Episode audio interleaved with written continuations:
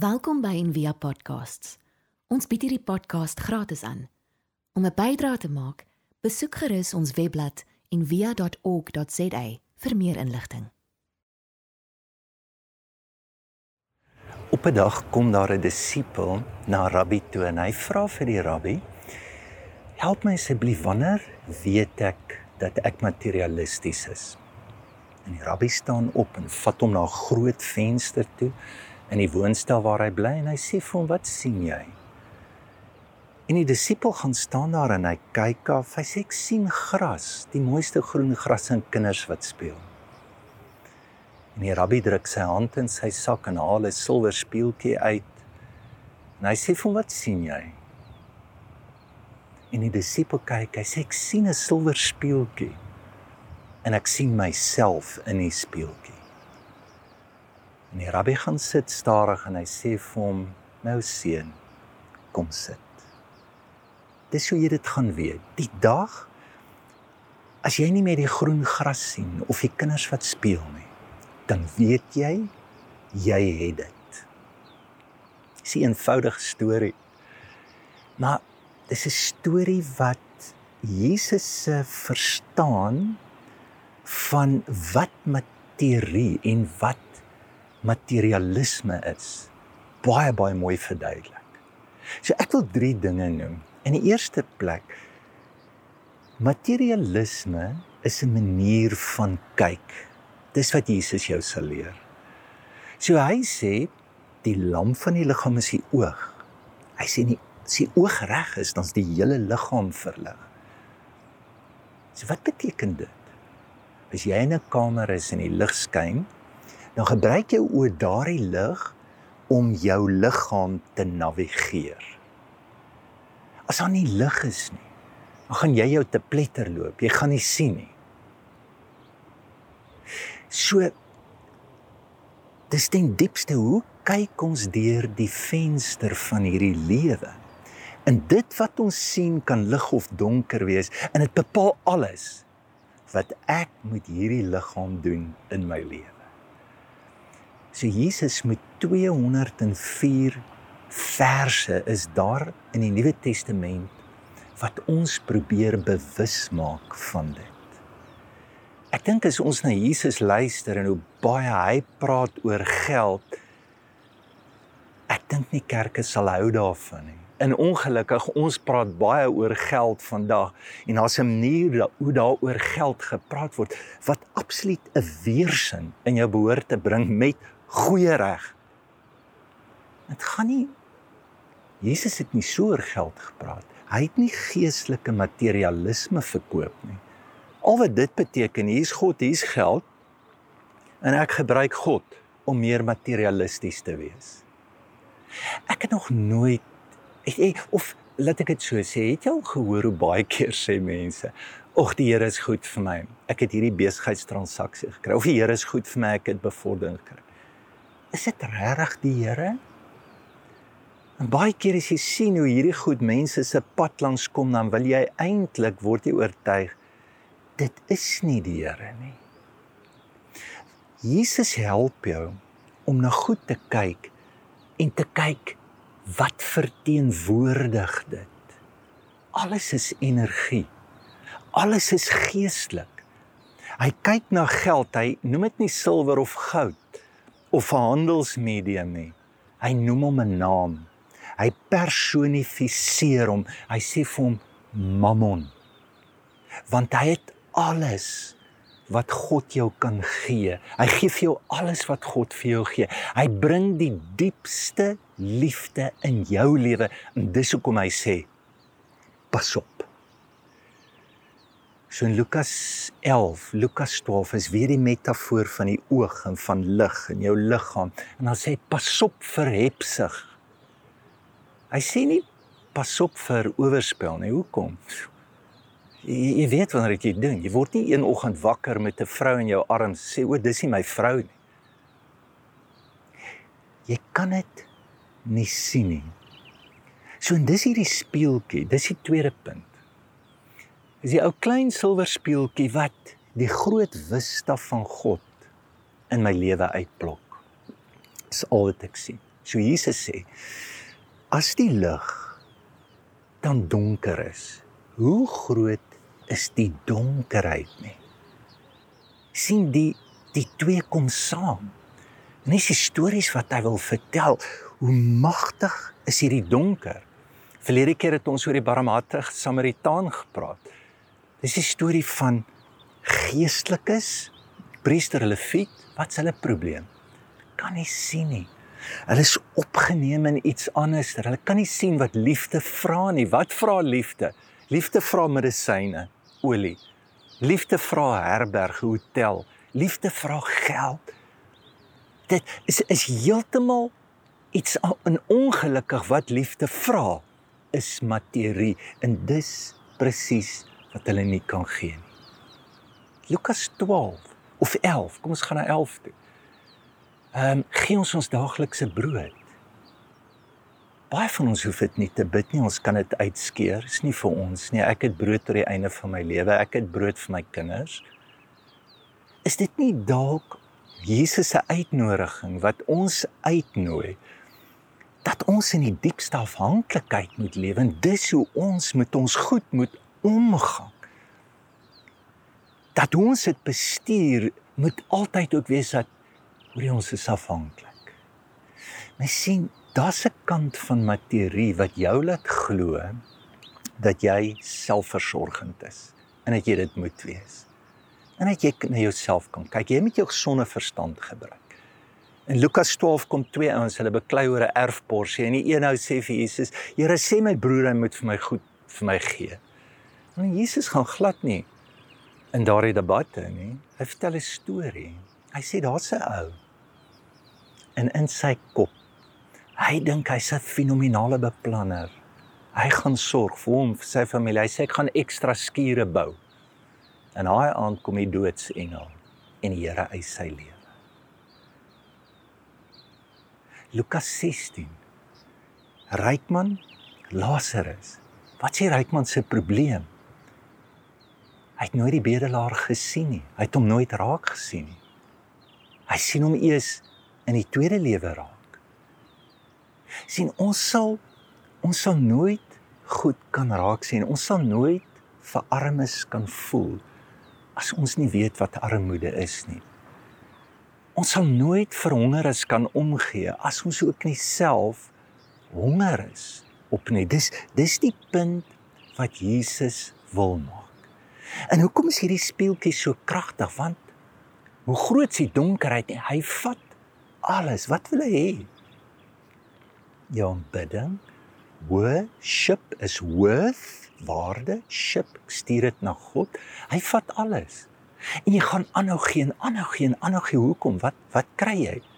Die valse leuen dat jy selfversorgend is, dat jy onafhanklik is, dat jy okay is. Die valse leuen dat jy op 'n manier vreugde put uit die goed wat jy het. Jesus vertel hy hy, hy sê in die gedeelte daar waar jou skat is, is waar jy jou hart kry.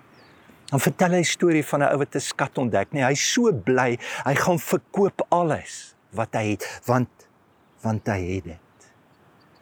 Jy sien die waarde wat ons heg aan goed. Dit wys ons hart Dit wys ons liefde. Dit sê waarvoor ons lewe. En baie keer verwar ons dit in liefde. Ons verwar sekuriteit met liefde. Ek trou want ek voel veilig. En en ek ek trou eintlik want dis amper 'n besitting wat ek het. Dan die laaste ding. Hierdie gedeelte leer ons dat materialisme is eintlik verdraaide selfliefde. Want hy kyk in die spieël wat sien hy? Homself.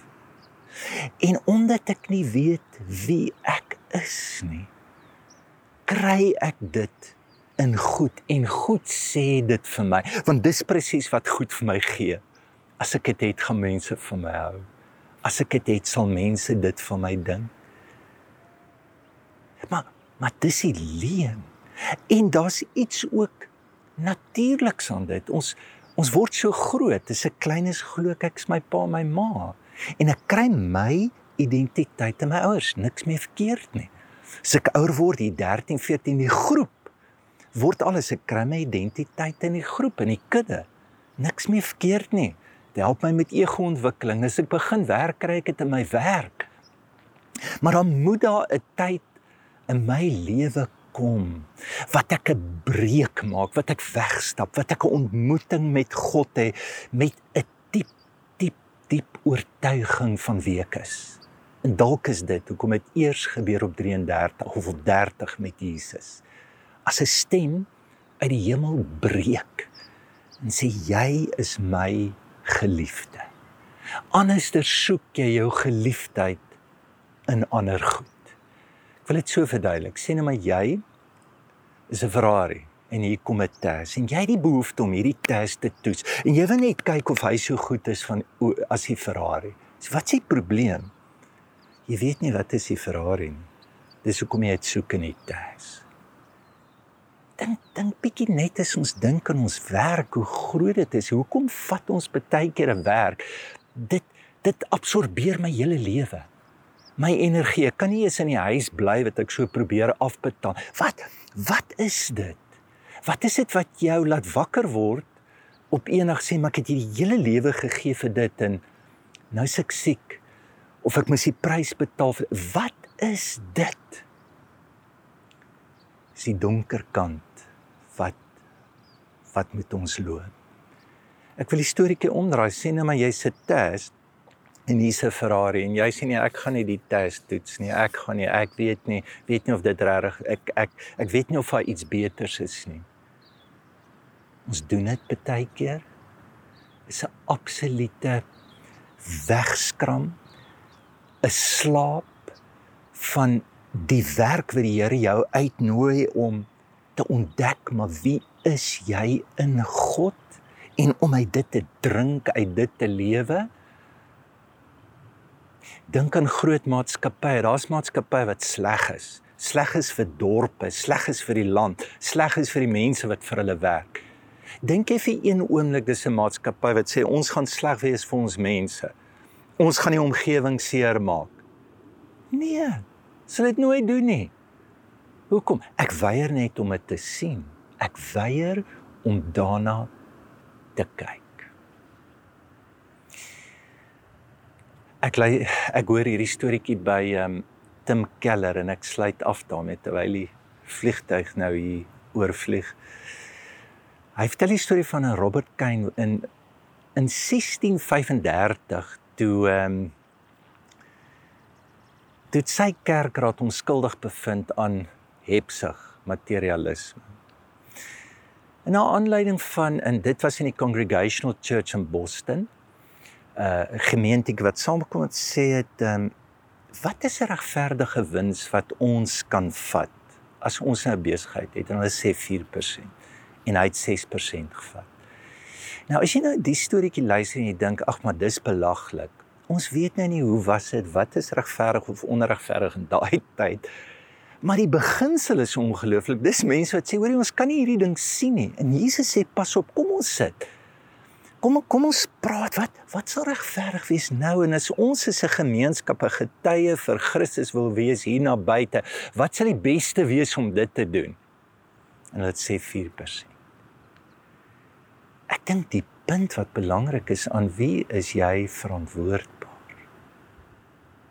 Hoe pas jy jouself op met hierdie woorde wat Jesus oor en oor na ons te stuur wat een van ons grootste probleme is. Die liefde vir geld is die wortel van al. Dis nie geld self, die liefde. Die passie hierdie ding wat ons trek om met 'n donker oog na alles te kyk. Miskien kan jy vandag vraag vra. En die vraag, hoe gaan ek om met materie? Kan jy daarop antwoord? Ek ek doen dit ek doen dit goed. Ek ek dink ek het afgeskaal ek lewe 'n minimalistiese lewe. Ek dink nie ek kan meer weggee nie. Ek dink nie ek kan meer deel nie. Wat wat is dit as jy eerlik eerlik moet verantwoording doen waarvoor en waarna toe nooi God jou uit? Daar's net een oplossing vir hierdie probleem. Daar's net een manier om die donker in jou te sien en dit te breek, daai mag oor jou lewe. Om te gee. Ons kom so in hierdie lewe of ons lewe so in hierdie lewe. Jesus sê en God het 'n blymoedige gewer lief. As jy die blydskap wat jy dink jy kry goed uit God kry. En weet jy wat elke keer as jy so maak, is moeilik, né? Is vir my moeilik. Want jy voel die donker. Ons onvermoë om te kan gee is presies dit. Mag jy ervaar hoe die Here jou vandag laat sien, laat voel. Hoe daar 'n kant in ons is wat ons wegtrek. In 'n verkeerde manier van voel in hierdie lewe, in 'n leuen van blydskap. In 'n leuen van sekuriteit. En COVID is seker die grootste gawe wat ons vir, vir ons aan ons deure kom klop en sê is nie die waarheid nie.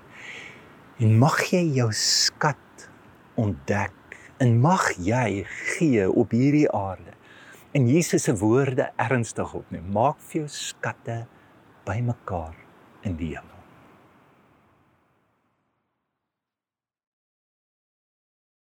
Ons hoop van harte jy het hierdie podcast geniet of raadsaam gevind. Besoek gerus en via.ok.za vir meer inligting.